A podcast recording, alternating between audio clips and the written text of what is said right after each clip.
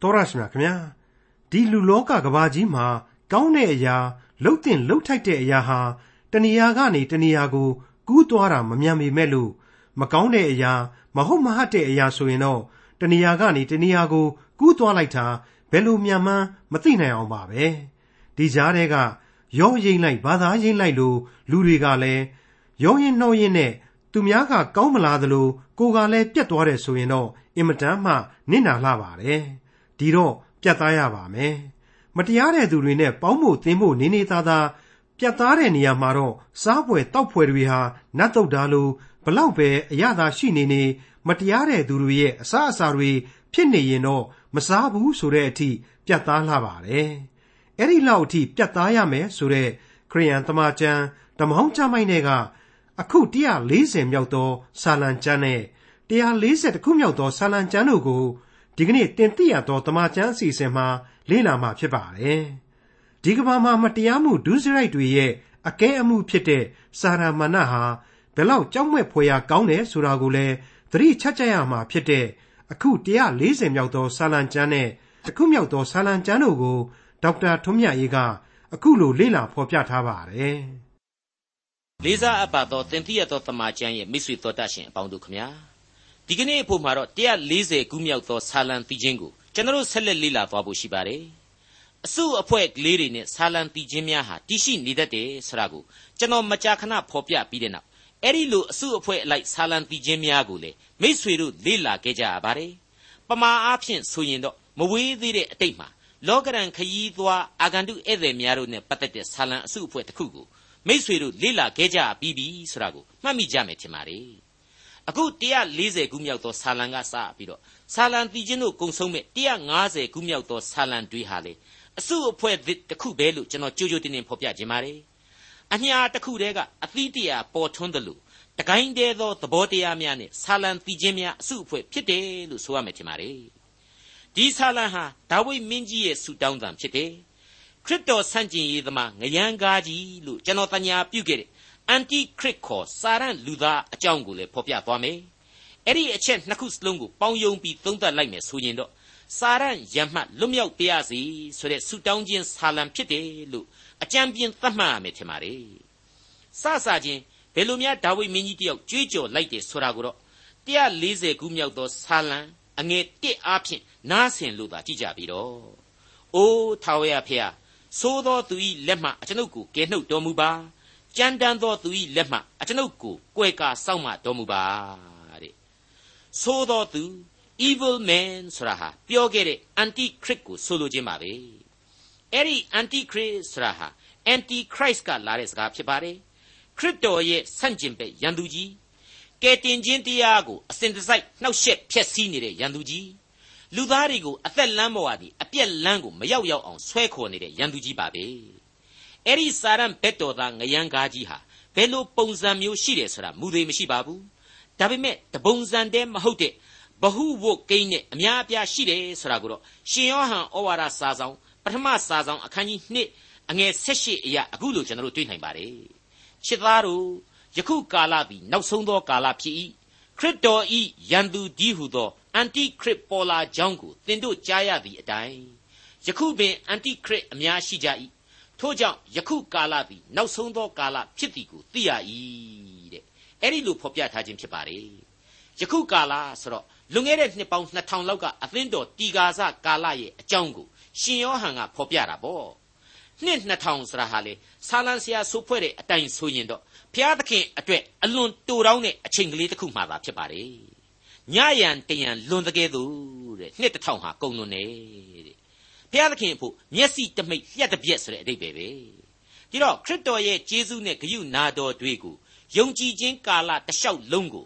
ယုံကြည်ခြင်းတရားလက်ကင်ထားတဲ့လူသမိုင်းအတွက်နှောက်ယှက်နေတဲ့အန်တိခရစ်ကိုအချိန်ကာလရှည်ကြီးတလျှောက်လုံးအတွက်ခြုံငုံပြောဆိုခြင်းဖြစ်တယ်ဆိုတာကိုကျွန်တော်နားလေသဘောပေါက်ကြရပါလိမ့်မယ်အရေးကြီးတာကတော့မျက်မှောက်ကာလကျွန်တော်ယုံကြည်သူတွေဟာအဲ့ဒီခရစ်တော်ဆန့်ကျင်ရေးဝါဒီတွေရဲ့အမျိုးမျိုးသောပုံစံနဲ့လွှမ်းမိုးခြင်းတွေက နှောက်ယှက်ဖျက်ဆီးတာကိုခံနေရတယ်အပြက်လမ်းပေါ်ကိုဆွဲခေါ်နေတာကိုခံနေရတယ်အဲ့ဒီအန်ဒီရဲ့ဇိုးကနေလွတ်မြောက်ဖို့ပဲဖြစ်တယ်လို့ကျွန်တော်ကတော့အရေးကြီးဆုံးအချက်အနေနဲ့တင်ပြခြင်းပါတယ်မိษွေအပေါင်းတို့ခမညာကျွန်တော်သင်သိရသောတမန်ကျန်အဖွဲ့စုပေါင်းအလုပ်လုပ်နေတဲ့နေရာကလေးဟာအလွန်ငြိမ်းချမ်းတဲ့အရက်ကလေးတစ်ခုပဲလို့ကျွန်တော်ခံယူပါတယ်။ဒါပေမဲ့ခံယူတဲ့အတိုင်းအမြဲမဟုတ်ဘူး။ဖျားသခင်ရဲ့ဘုန်းတော်ကိုထင်ရှားစေမယ့်အလုပ်ကိုလုပ်ရတဲ့ကျွန်တော်တို့တစ်ဖွဲ့လုံးစီးကို စာရမဏတ်ဟာမကြာခဏထိုးဖောက်နှောက်ယှက်တတ်တယ်ဆိုတာကိုကျွန်တော်နားလေခံစားလာရပါတယ်။အခုဆိုရင်ယုံကိုရောက်တာနဲ့ဘာမှအလုပ်မလုပ်သေးခင်မှာစပွဲပေါ်ကိုလက်တင်ပြီးတော့ဘုရားသခင်မကောင်းသောအမှုအရာများမှကျွန်တော်တို့ကိုကယ်နှုတ်တော်မူပါစာရမဏေ၏အန်ဒီရဲ့မှတားဆီးကာကွယ်တော်မူပါဆိုတဲ့ဆုကိုအရင်ဆုံးတောင်းရတဲ့အကျင့်ကောင်းတစ်ခုကိုကျွန်တော်ရရှိခံစားလာရပါတယ်ဒါကိုကျွန်တော်ထည့်ပြောရတာတော့တခြားမဟုတ်ပါဘူးအန်တီခရစ် သို့မဟုတ်အန်တီခရစ်ဟာနေရာတကာမှာရှိတယ်စာရမဏေရဲ့သွမ်းမိုးမှုဟာကမ္ဘာလောကကြီးမှာလွှမ်းခြုံနေတယ်ဆိုတာကိုကျွန်တော်အစဉ်အမြဲသတိတရားရဖို့ရန်ထည့်သွင်းပြောရခြင်းဖြစ်ပါတယ်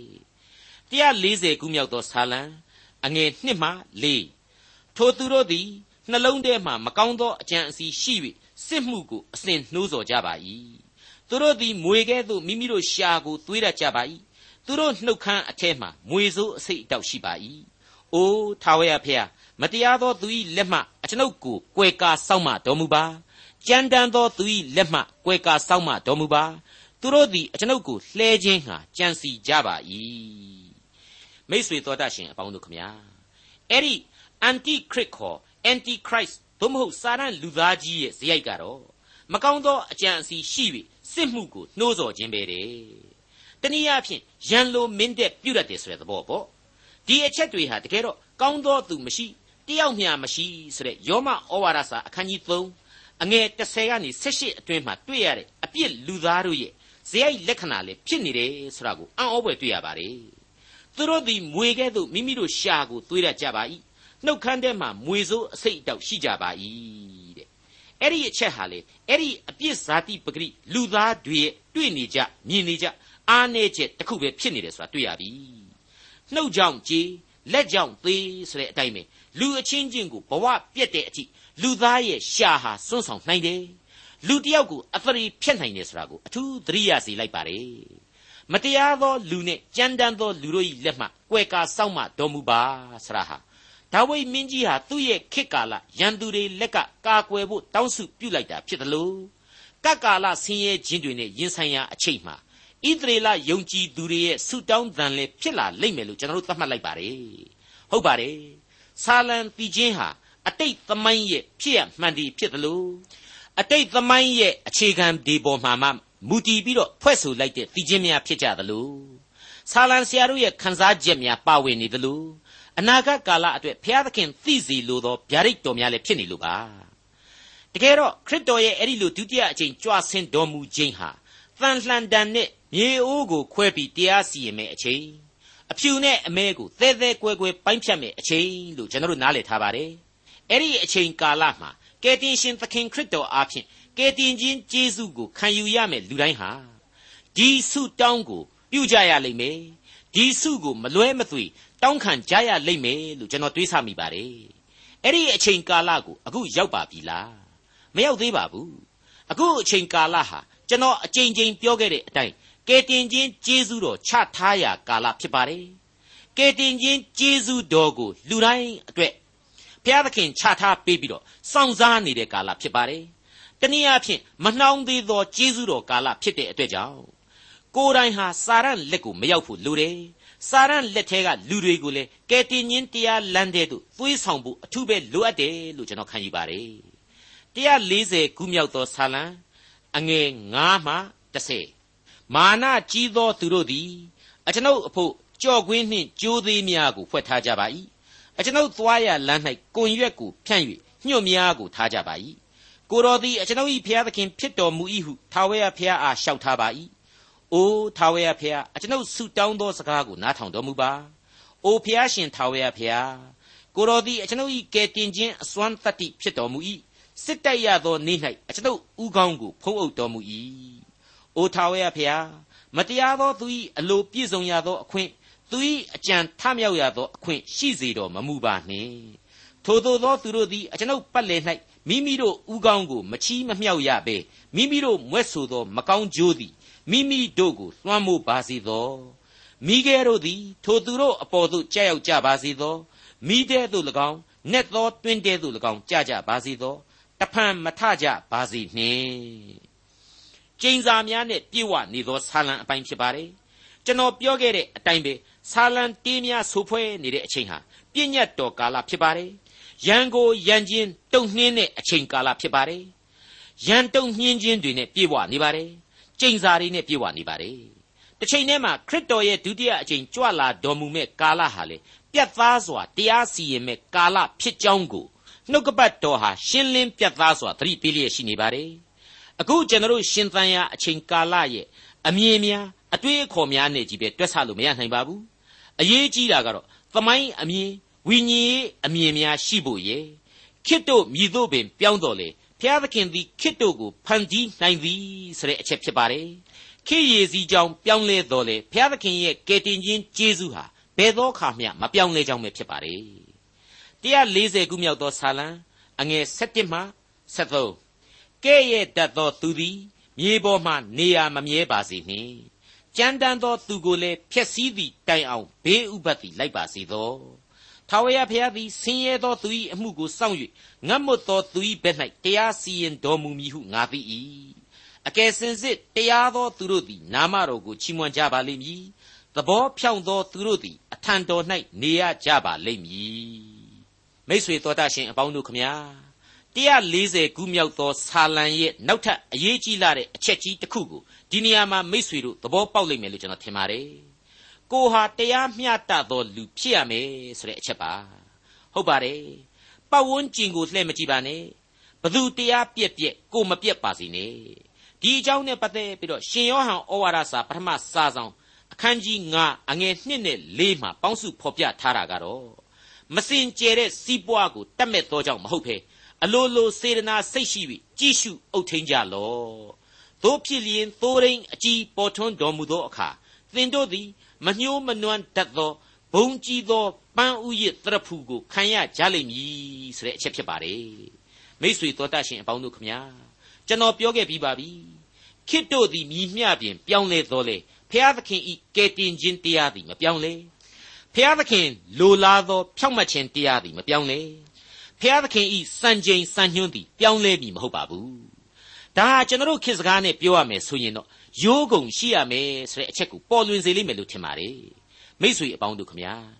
လင်္ကာဖွဲ့နွယ်ရမှာလင်္ကာဆရာတို့ဟာကိုယ့်ရဲ့အရေးအဖွဲ့မှာရသမြောက်အောင်လို့စကလုံးတွေကိုမြောက်များရွေးရပါတယ်ရွေးတဲ့နေရာမှာဒေါသယသအနုယသမေတ္တာယသအစသဖြင့်ယသအမျိုးမျိုးရှိနေပါသေးတယ် အဲ့ဒါတွေကိုကိုကကိုခံစားရတိုင်းစာဖတ်သူလည်းခံစားရစီဖို့စေတနာထားရပါတယ်အခုဆာလံလင်္ကာဆရာတွေဟာလည်းဒီအတိုင်းပါပဲသူတို့ခင့်နဲ့သူတို့ခိရှိကပြေးနေတဲ့အမြင့်ဆုံးအဆင့်နဲ့ဒီလင်္ကာတွေကိုဆက်ဆူခဲ့ပါတယ်အဲ့ဒီလင်္ကာတွေဟာတန်ရှင်းသောဝိညာဉ်တော်လမ်းပြခြင်းအပြင်ဒီကနေ့ကျွန်တော်တို့အတွက်အသက်ရှင်ခြင်းတရားကိုဖြစ်စေပြီလို့ကျွန်တော်လေးစားစွာခံယူမိပါတယ်အထူးသဖြင့်အခု140ခုမြောက်သောဆာလံဟာ စာရမဏတ်ရဲ့လွှမ်းမိုးခြင်းဘေးအောက်ကနေလွတ်မြောက်ဖို့ရန်အတွက်လူသားတိုင်းအတွက်ရည်စူးဆိုဖွဲ့လိုက်သောဆုတောင်းခြင်းဆာလံအဖြစ်ကျွန်တော်တင်ပြလိုက်ပါတယ်မိษွေတော်တတ်ရှင်အပေါင်းတို့ခမညာအခုအချိန်မှာတော့ဒါဝိမင်းကြီးရဲ့နောက်ထပ်ဆုတောင်းခြင်းဆာလံတစ်ပုဒ်အဖြစ်140ခုမြောက်သောဆာလံကိုဆက်လက်ဖော်ပြသွားလိုပါတယ်ရေပုံရသဘောအရထုံးစံအတိုင်းသူ့ရဲ့ဘဝအတွေ့အကြုံတွေပေါ်မှာပဲအခြေခံပါတယ် ဒါပေမဲ့အလွန်ကောင်းမွန်တဲ့ကပ်ကာလဆိုင်ရာဗျာဒိတ်တော်အဖြစ်ရှုမြင်နိုင်သလိုကျွန်တော်ရဲ့လက်တွေ့ဘဝအသက်တာသင်ခန်းစာများကိုလည်းတွေ့နိုင်တဲ့ဆာလံတီချင်းတစ်ပုဒ်ပဲလို့ကျွန်တော်ဆိုချင်ပါတယ်စတင်နားဆင်ကြည့်ကြပါစို့140ခုမြောက်သောဆာလံအငယ်1နဲ့2အိုးထာဝရဖေဟာကိုတော်ကိုကျွန်ုပ်အော်ဟစ်ပါ၏အလျင်အမြန်ကြွလာတော်မူပါကိုတော်ကိုအော်ဟစ်သောအခါအကျွန်ုပ်၏စကားသံကိုနားထောင်တော်မူပါ အကျွန်ုပ်၏ပတနာသည်မိရှို့သောနန့်သာပေါင်းကဲ့သို့၎င်းလက်ကိုချီခြင်းသည်ညဥ်ယံပူဇော်တက်ကာကဲ့သို့၎င်းရှေ့တော်၌ပြင်ဆင်လျက်ရှိပါစေသောအခုလိုဒါဝိမင်းကြီးရဲ့ဆူတောင်းသံကိုနားထောင်ရတဲ့အခါကျတော့ဓမ္မသုတေတီတယောက်ကပြောတာကိုကျွန်တော်ကြားဘူးပါတယ်။သွားပြီးသတိရမိပါတယ်။ဒါဝိဆိုတဲ့ရှင်ဘုရင်ကြီးဟာဆူတောင်းခြင်းကိုတော့ဆေးဆွဲတယ်လို့ဆွဲလန့်နေပါတယ်တဲ့ addiction ရနေတယ်ဆိုတဲ့သဘောပေါ့ဟုတ်ပါတယ် ဒီပုဂ္ဂိုလ်ကြီးဟာယုံကြည်ခြင်းအင်မတန်ပြင်းထန်တယ်ဆူတောင်းတဲ့နေရာမှာလေဘယ်တော့မှချွင်းချက်မထားခဲ့ပါဘူးသူ့ရဲ့ဆူတောင်းခြင်းအသံပလန်တွေကိုသေချာနားဆိုင်ထောင်လိုက်ရင်ကိုပဲသူ့ရဲ့ဖြစ်ရမှန်သမိုင်းကြောင်းဟာလေပြည့်စုံစွာပေါ်ထွန်းနေတယ်လို့ဒီဆုတောင်းတန်တွေကနေတွေ့မြင်နိုင်တယ်လို့ဆိုရပါလိမ့်မယ်အခုသူ့ရဲ့လင်္ကာစကားတွေထဲမှာဆုတောင်းခြင်းပထနာဟာမှုေးကြိမ်သောပူဇော်သက်ကပြုတာနဲ့အတူတူပဲဆိုတာကိုသူခံယူတဲ့အကြောင်းဖော်ပြလိုက်ပါတယ် အကျွန်ုပ်ဆုတောင်းခြင်းသည်နန့်သာဘောင်းကဲ့သို့ရှေ့တော်၌ဖြစ်ပါလိမ့်မည်တဲ့ဟုတ်ပါတယ်ဖျားသခင်ရဲ့စကားတော်ကိုနားထောင်နာယူတတ်တဲ့စိတ်ဓာတ်ရွတ်ကြိုးခြင်းလေးမြတ်ခြင်းတို့ရှိမယ်ဆိုရင်ကျွန်တော်ဖျားသခင်ကိုဆုတောင်းသမျှတွေဟာအဲ့ဒီလိုပဲမှုေးကြိုင်ထုံသင်းခြင်းရှိလိမ့်မယ်လို့ကျွန်တော်ခံယူပါတယ်ရှင်ယောဟန်ခရစ်ဝင်ကျမ်းအခန်းကြီး14အငယ်14နဲ့15မှာခရစ်တော်ကိုယ်တော်တိုင်ဖော်ပြခဲ့တဲ့အချက်တစ်ခုရှိပါတယ်သင်တို့သည်ငါ၏နာမကိုအမိပြု၍ တစုံတစ်ခုသောဆုကိုတောင်းလျင်တောင်းသည့်အတိုင်းငါပြုမည်ငါကိုချစ်လျင်ငါပြည့်ညတ်တို့ကိုစောင့်ရှောက်ကြလော့ရဲ့လို့ဖြစ်ပါတယ်အခုဆက်လက်ပြီးတော့140ခုမြောက်သောဇာလံအငယ်3ကိုနားဆင်ကြည့်ကြပါဦး။အိုးထာဝရဖျားအကျွန်ုပ်ဤနှုတ်ရှိမှကင်းကိုထားတော်မူပါအကျွန်ုပ်ဤနှုတ်ခမ်းတကားကိုစောင့်တော်မူပါကဲစောစောပိုင်းကပဲနှုတ်ကြောင့်သူများဘဝပြတ်တတ်တယ်နှုတ်ကြောင့် ကြေမွသွားတာမျိုးဖြစ်နိုင်တယ်ဆိုတာကိုကျွန်တော်ပြောခဲ့ပါသေးတယ်နော်အခုတခါထပ်ပြီးပေါ်လာပြီအကျွန်ုပ်ရှေ့မှာကင်းတက်ကိုချထားပြီးတော့အကျွန်ုပ်ရဲ့နှုတ်ကိုစောင့်ထိန်တော်မူပါတဲ့တနည်းအားဖြင့်ဆိုရင်လေအပြောတခြားအလုတ်တခြားမှာဖြစ်ပါစေနဲ့ဆိုခဲစီမြဲစီဖြစ်ပါစေသစ္စာတည်မြဲပါစေလို့ဆုတောင်းလိုက်တာပဲလို့ကျွန်တော်တို့နားလည်နိုင်ပါတယ်မြို့တစ်မြို့မှာအိမ်နှလုံးကပ်ရဲ့ရှိပါတယ်နှစ်အိမ်လုံးကတော့ခရိယန်တွေကြီးပါပဲ ညပိုင်းကျတော့အိမ်တော်ဝတ်ပြုစီဝေးအသီးသီးပြုလုပ်ကြတယ်တစ်ဖက်အိမ်ကအခုဆာလံတီးခြင်းကိုဖတ်တယ်အိုးထာဝရဖေဟာအကျွန်ုပ်ဤနှုတ်ရှိမှကင်းကိုထားတော်မူပါအကျွန်ုပ်ဤနှုတ်ခမ်းတကားကိုစောင့်တော်မူပါတဲ့အဲ့ဒီအချိန်မှာတစ်ဖက်အိမ်ကတော့အကျွန်ုပ်ပြောသောစကားနှင့်စိတ်နှလုံး၏အကြံအစီသည်ရှေ့တော်၌နှစ်သက်ဖွယ်ဖြစ်ပါစေသောတဲ့အဲ့ဒီလိုဆူတောင်းကြတယ်တဲ့အဲ့ဒီလိုစီးဝေးလဲပြီးရောနေကင်းပိုင်းတုန်းကကိုယ့်အိမ်ကကြောင်ကိုဟိုဘက်အိမ်ကခွေးကလိုက်ဆွဲတဲ့ကိစ္စ ညပိုင်းအထိမပြီးဘူးဗရင်ပေါက်ဖွင့်ပြီးတော့ရန်ဖြစ်လိုက်ကြတာတခြားအိမ်တွေကလူတွေကဆင်းလာပြီးတော့မနေတာယူရတဲ့ကဲဒီတော့ယုံကြည်သူခရိယန်မိသားစုနှစ်ခုထာဝရဘုရားအကျွန်ုပ်ရှေ့မှာကင်းကိုထားတော်မူပါတစ်ဖက်ကလည်းအကျွန်ုပ်ပြောသောစကားနှင့်အကျွန်ုပ်၏စိတ်နှလုံး၏အကြံအစီသည်ရှေ့တော်၌နှစ်သက်ပွေဖြစ်ပါစေသောဆိုပေမဲ့ဖျားသခင်ကိုစုဘလောက်တောင်းတောင်း ဖျားသခင်ရဲ့ကောင်းကြီးမင်္ဂလာကိုပါဇက်ကသာတောင်းတယ်နှလုံးသားနဲ့မခံယူတဲ့အခါကျတော့မဖွဲမရာတွေဖြစ်ရတယ်ပတ်ဝန်းကျင်ရဲ့ရှေ့မှာဘုရားသခင်ရဲ့ဘုံအသရေတော်ကိုတောင်မှရှုံချဖျက်ဆီးရရောက်သွားရတယ်လို့ကျွန်တော်တွေးမိပါတယ်အဲ့ဒီလိုမဖြစ်ဖို့အရေးကိုအခုဆာလံဆရာဟာဖော်ပြပြောဆိုနေတယ်လို့ကျွန်တော်ခံယူမိပါတယ်ပြန်ပြီးတော့နားဆင်ကြည့်ကြပါအိုးထာဝရဖေဟာအကျွန်ုပ်ဤနှုတ်ရှိမှကင်းကိုထားတော်မူပါအကျွန်ုပ်ဤနှုတ်ခမ်းတကားကို စောင့်တော်မူပါမိတ်ဆွေအပေါင်းတို့ခမညာပြီးခဲ့တဲ့136ခုမြောက်သောဆာလံမှာတုန်းကလေကျွန်တော်တို့တွေ့ခဲ့ရပြီးပြီနော်ကျွန်တော်ရဲ့စိတ်နှလုံးအကြံအစီတော်တို့ကိုဘုရားသခင်ဟာအဝေးရပင်သိတယ်ဝိညာဉ်တော်နှင့်လွတ်ချင်းအလို့ငှာဘယ်အရတ်တို့မှကျွန်တော်တို့မပြေးနိုင်ဘူးဆိုတာတွေကိုကျွန်တော်တို့ကြားနာခဲ့ရပြီးပြီဒါကြောင့်မလို့ဘုရားသခင်ရဲ့ဘုံတကူအာနုဘော်တော်ကိုယူတင်ဝတ်ဆောင်တဲ့ယုံကြည်သူတို့ဟာမိမိတို့နှုတ်ကိုဘုရားသခင်စီမှာဆက်ကပ်အနှံမယ် မိမိတို့ရဲ့စိတ်နှလုံးကိုလည်းဘုရားသခင်စီမှာဆက်ကပ်အနှံကြရပါလိမ့်မယ်140ခုမြောက်သောဆာလံအငယ်၄မှ6ဒုစရိုက်ကိုပြုသောသူတို့နှင့်အတူအကျွန်ုပ်ပါ၍မတရားသောအမှုဒုစရိုက်အမျိုးမျိုး၌ကျင်လည်စေခြင်းဟာအကျွန်ုပ်၏စိတ်နှလုံးကိုမကောင်းသောအမှုအရာသို့သွေးဆောင်တော်မမူပါနှင့်ထိုသူတို့၏ခဲပွေစားပွေတို့ကိုအကျွန်ုပ်မစားမိပါစေနှင့်ဖြောင့်မတ်သောသူသည်အကျွန်ုပ်ကိုဒဏ်ခတ်ပါစေသောကျေးဇူးရှိပါလိမ့်မည် ဆုံးမပါစေသောအကျွန်ုပ်ဥကောင်းကိုလိန်သောစီဖြစ်ပါလိမ့်မည်ထိုက်၍ပြုတော်လဲအကျွန်ုပ်မငင်းပါယခုမူကားသူတစ်ပါးပြုသောအတ္တမအမှုတစ်ဖက်၌ဆုတောင်းရပါ၏အဲ့ဒီလိုအငယ်9နဲ့6ဟာဖော်ပြထားပါတယ်မိษွေတို့ခရစ်ဝင်ကျမ်းတွေမှာတော့ကကျမ်းမာသောသူဟာဆေးသမားကိုအလိုမရှိမကျမ်းမာတဲ့လူတွေဟာသာဆေးသမားကိုအလိုရှိကြ၏ဆိုပြီးတော့ခရစ်တော်ပြောခဲ့တာခရစ်တော်ကိုယ်တော်တိုင်ဟာဝိညာဉ်ခွန်အားလိုအပ်နေတဲ့လူတွေစီကိုတမင်သွားခဲ့တာ အပေကံအဆင့်အတန်းကလူတွေကိုလူဒန်းစားမခွဲကြဘဲနဲ့ပေါင်းသင်းဆက်ဆံခဲ့တာစခဲ့တဲ့အချက်တွေကိုတွေ့ကြရပါတယ်။တနည်းအားဖြင့်ယုံကြည်သူတို့ဟာအသင်းတော်ထဲမှာစောင့်ချုံအိပ်နေရမှာမဟုတ်ဘူးဆိုတဲ့သင်ခန်းစာကိုခရစ်တော်ဖော်ပြခဲ့ခြင်းပါပဲ။ကမ္ဘာလောကကြီးတွေကိုတိုးဝင်ချင်းကပ်ရမယ်။ဘုရားသခင်အမှုတော်ကိုဘုရားသခင်ရဲ့အလင်းရောင်ကိုဆောင်ကျင်းအမှောင်ခွင်းတဲ့တာဝန်ကိုယူရမယ်။လူလောကကြီးတဲ့ကိုတိုးဝင်ချင်းကပ်ရမယ်ဆိုတဲ့အဓိပ္ပာယ်ဖြစ်ပါတယ်တစ်ချိန်တည်းမှာ ရောရင်လိုက်ဘာသာရင်လိုက်ဆိုသလိုရောရင်နှောရင်နဲ့သူများကကောင်းမလာပဲနဲ့ကိုကပြက်သွားပြန်ရင်လည်းမဖြစ်သေးဘူးစဉ်းစားကြည့်လေကောင်းတာကသာအခုမမြန်တာမကောင်းမှုဒုစရိုက်ဆိုတာမျိုးကတဲပြီးတော့အခုမြန်နေဆိုတာကိုကျွန်တော်အားလုံးသိထားတဲ့အတိုင်းပါပဲ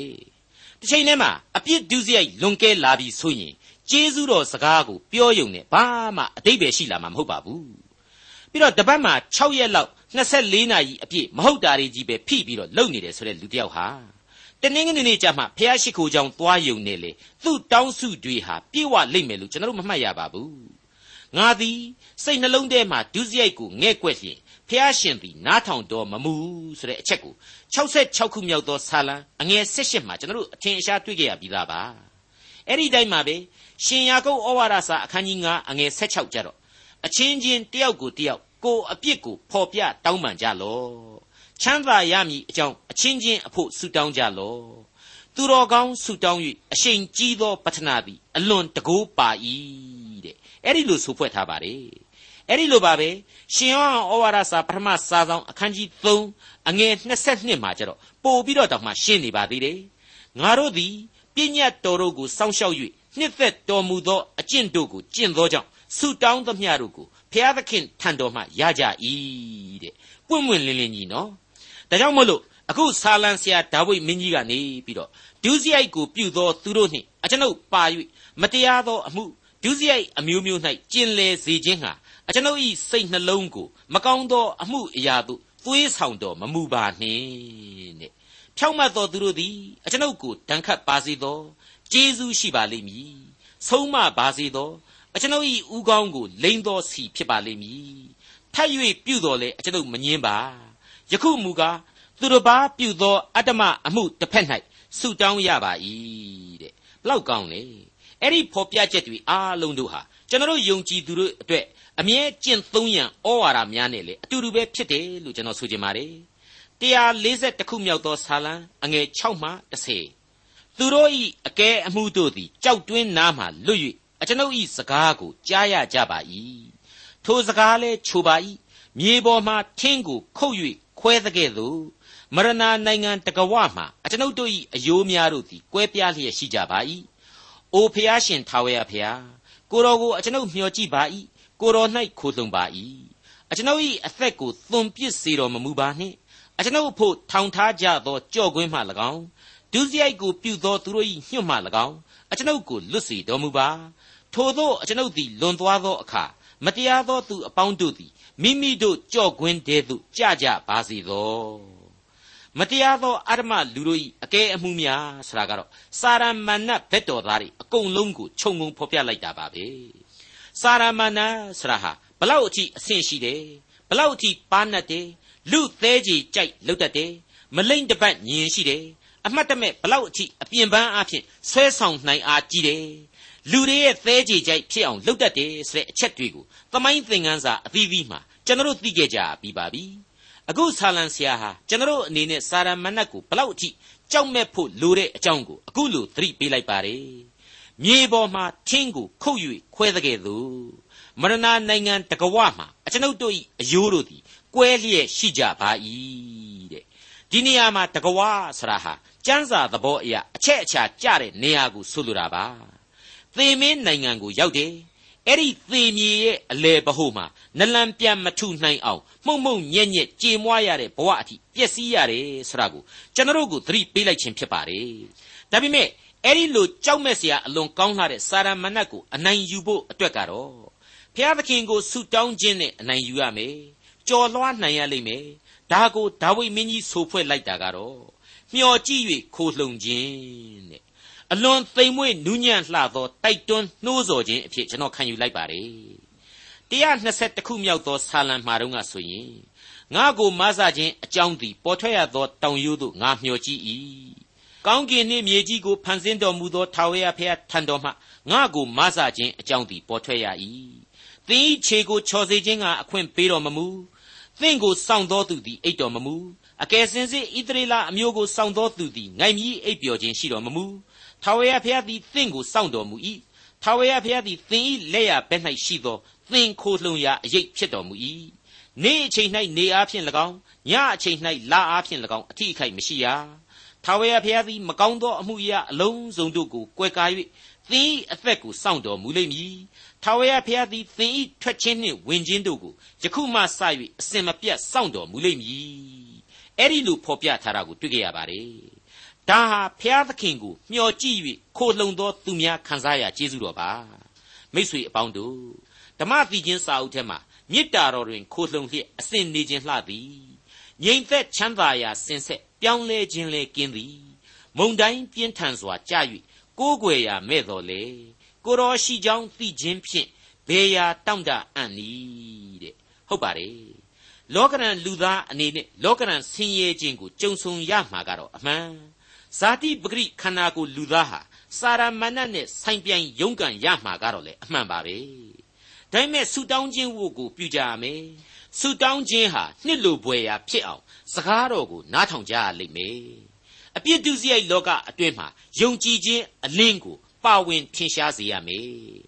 ဒါဆိုရင်ဘုရားသခင်ရဲ့ကယ်တင်ခြင်းကျေးဇူးတော်အဖြစ်ငြိမ်သက်ချမ်းသာရာအသက်တာကိုယခုဘဝမှာခံယူရရှိနိုင်တယ်လို့ နောင်ကပ်ကာလထာဝရဆုကျေးဇူးအဖြစ်လေမလွဲမသွေခံစားကြရမယ်ဆိုတာကိုဒါဝိမင်းကြီးဖော်ပြလိုက်ပါတယ်စောစောကဖော်ပြခဲ့တဲ့မေတ္တာတော်တွင်ခိုလှုံလျက်ပြီးချင်းမှာဆက်လက်ဖော်ပြထားတာကတော့ပို့ဆောင်တော်မူရာလမ်းတွင်ကျွန်ုပ်လိုက်လျှောက်ပါမည်ကိုတော်အနီးမှရှိစဉ်ဘယ်အရာတောင့်တအံ့နည်းရွှေညံတော်ဖြင့်စောင့်ထိန်လျက်မျက်စိတော်ရှင်းမကွယ်သွားရလန်းကိုတော်သိသည်